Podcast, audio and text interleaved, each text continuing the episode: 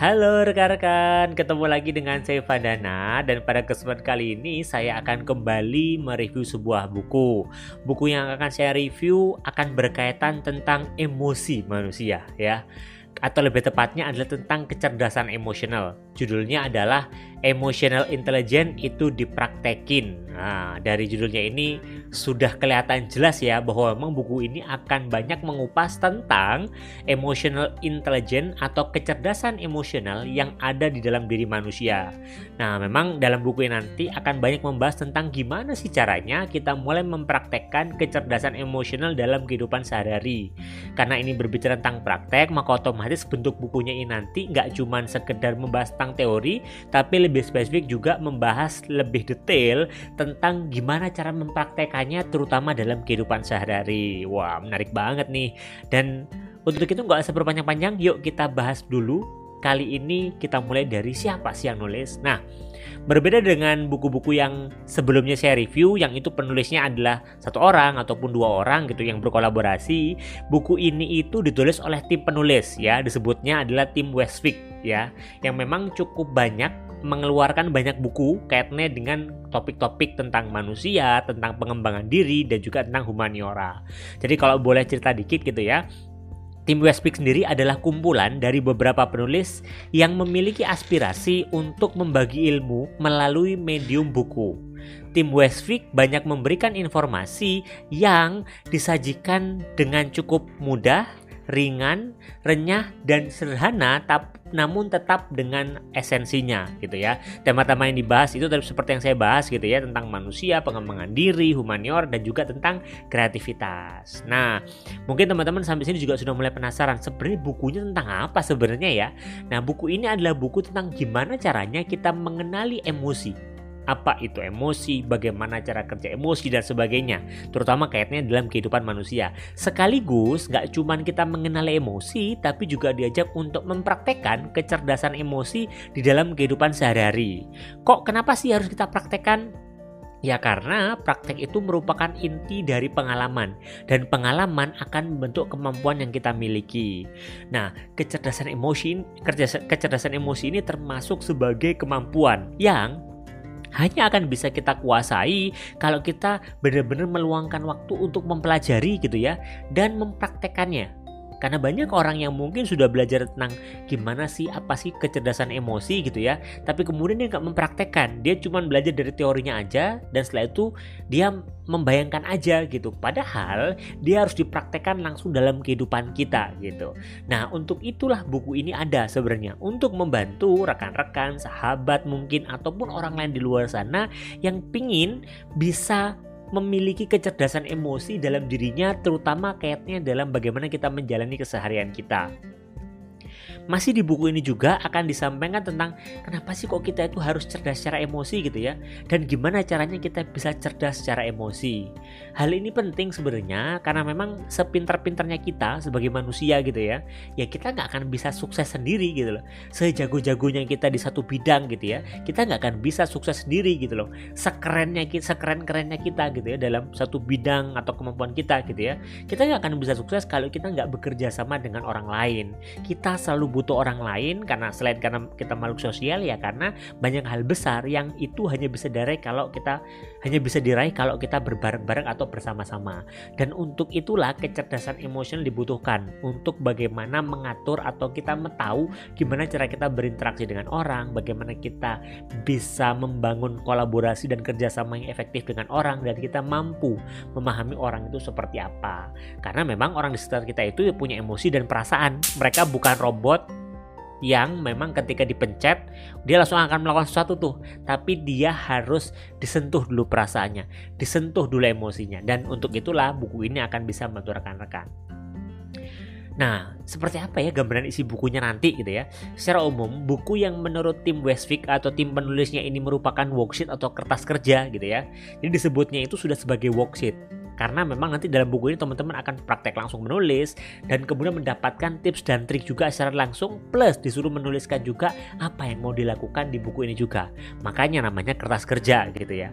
Dan di sini juga akan dibahas di kertas kerja ini, buku ini itu akan membahas tentang tahapan-tahapan apa aja yang perlu kita pahami dan kita praktekkan di dalam keseharian untuk kita memiliki kecerdasan emosi atau emotional intelligence yang baik ada tiga bagian yang kalau kemudian saya rangkum gitu ya. Ada tiga poin penting atau tiga bagian penting yang mungkin perlu kita semua pahami gitu. Yang pertama adalah tentang gimana caranya mengenali emosi. Ini ada bagian untuk membahas itu sendiri gitu ya.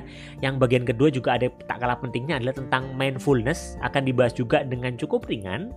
Dan yang ketiga adalah tentang bagaimana sih caranya kita belajar berempati itu juga akan menjadi bagian ketiga yang menurut saya juga menjadi penutup yang baik sekali untuk buku ini gitu ya. Nah sekarang kita bahas dulu yang bagian pertama, mengenali emosi. Ini adalah uh, kemampuan yang standar gitu ya, yang memang dimiliki oleh setiap orang dan sebenarnya setiap orang miliki. Kenapa seperti itu? Karena kalau dalam buku ini dibahas tentang sejarah manusia jadi ini dibahas tentang apa yang disampaikan dan apa yang ditemukan oleh Charles Darwin gitu ya di dalam sejarah manusia tentang mengenali emosi atau membaca situasi yang sebenarnya Charles Darwin itu pernah menyampaikan bahwa dia mencatat ada hal menarik bahwa sebenarnya dari zaman dulu manusia purba itu sudah memiliki kemampuan untuk mengenali atau membaca emosi ataupun situasi. Yang dulu pada saat awal ketika manusia purba ini berburu, awalnya digunakan kemampuan ini ini itu untuk mengenali emosi hewan. Untuk melihat apakah mereka sedang terdesak atau mereka dalam kondisi menyerang. Sehingga kita bisa tahu apa langkah-langkah yang perlu kita ambil. Apakah kita perlu menyerang atau kita perlu melarikan diri. Itu kenapa disebut istilahnya adalah dulu kemampuan kita dalam memahami emosi atau kecerdasan emosi ini digunakan awalnya dalam hal kita itu uh, survival atau bertahan hidup karena kita harus mengenali dan memahami emosi hewan yang akan kita buru gitu ya sehingga kita bisa mengamankan diri kita. Tapi dalam perkembangannya di kondisi saat ini survival itu kan nggak cuma berbicara tentang kita berburu ya, tapi dalam kondisi saat ini kita bisa bertahan hidup, kita bisa mencapai tujuan kita, kita bisa bekerja sama dengan orang. Nah, e, kecerdasan emosi ini juga sama untuk membaca situasi, membaca kondisi, membaca orang lain sehingga tahu apa yang perlu dilakukan di dalam kita menjalani aktivitas. Karena itu sebenarnya tanpa disadari e, sebenarnya kecerdasan emosi itu adalah kemampuan yang diwariskan turun temurun dari zaman dulu. Jadi manusia itu sebenarnya sudah punya potensi dalam hal kecerdasan emosi. Permasalahannya adalah apakah kemudian emosi tersebut dilatih lagi atau dibiarkan terpendam potensinya. Nah, buku ini salah satunya adalah ada untuk memang membantu mengeluarkan potensi kecerdasan emosi di dalam manusia dalam menjalani kesehariannya masih di bagian buku ini juga akan dibahas tentang apa ya yang perlu kita latih untuk memiliki kecerdasan emosi dalam diri. Yang pertama adalah memiliki kesadaran terhadap emosi diri gitu ya, atau lebih aware terhadap emosi. Emosi apa yang sedang saya rasakan, emosi apa yang sedang saya lihat, emosi apa yang sedang saya amati. Nah, itu lebih aware terhadap diri sendiri gitu ya, yang sedang kita rasakan dan cara mengelola juga tuh dan yang kedua adalah kita memiliki kesadaran terhadap emosi orang lain. Jadi eh, tahapan dalam mengenal emosi itu kita tahu dulu emosi kita, kita belajar dulu mengenali emosi kita, dan baru kita bisa belajar untuk mengenali emosi orang lain di sekitar kita sebenarnya. Di bagian kedua, buku ini juga akan dibahas tentang mindfulness. Ini istilah yang mungkin teman-teman sudah pernah dengar gitu ya. Tapi di buku ini dibahas dengan menurut saya gitu ya, yang pernah baca buku yang mindfulness yang agak berat gitu ya. Ini bukunya dibahas dengan bahasa yang cukup ringan tapi langsung berpraktek gitu ya. Kalau dibahas di bagian ini adalah tentang kecerdasan emosi yang pada dasarnya membuat kita menyadari mana tindakan yang tepat untuk saat yang tepat dan untuk mendapatkan hasil yang tepat. Itu sebenarnya kecerdasan emosi agar kita bisa tahu mana tindakan yang tepat untuk kita melakukan sesuatu dan saatnya kapan untuk kita melakukan sesuatu dan untuk mendapatkan hasil yang tepat. Nah, untuk mendapatkan kesadaran seperti tadi itu, yang tepat, tepat, tepat tadi itu, kita perlu tahu tentang mindfulness, yaitu sebuah kondisi yang membuat kita lebih sadar dan lebih peka terhadap situasi kita di tiap detik waktu kita, di tiap menit waktu kita, maupun setiap jam waktu kita. Jadi memang kita diajak untuk mengenali dan merasakan diri kita lebih dalam. Itu yang menjadi uh, ini saya dalam mindfulness. Terus mungkin teman-teman penasaran gitu ya cara prakteknya gimana sih mindfulness itu adalah dengan menyadari dan mempertanyakan setiap kebiasaan yang saat ini telah terprogram dalam kehidupan kita contoh misalkan kita terbiasa uh, untuk berjalan kaki setiap hari gitu ya agar sehat atau berolahraga dengan berjalan kaki. Nah, contoh mindfulnessnya adalah kita kemudian mencoba mempertanyakan dan menyadari untuk apa sebenarnya saya jalan kaki. Untuk apa sebenarnya saya itu berolahraga gitu ya. Untuk apa misalkan saya itu uh, bernafas? Untuk apa misalkan saya itu bisa melihat? Jadi mempertanyakan banyak hal dengan tujuan bukan untuk mempertanyakan gitu ya. Tapi dengan tujuannya adalah agar kita bisa benar-benar menyadari lingkungan kita. Yang awalnya kita nggak peka gitu kita jadi lebih peka terhadap setiap kondisi dan situasi di dalam kehidupan kita. Dan di bagian ketiga ini uh, cukup aplikatif juga di bagian ini karena belajar langsung tentang gimana kita belajar empati. Ini empati ini emang sering banget dibahas gitu ya.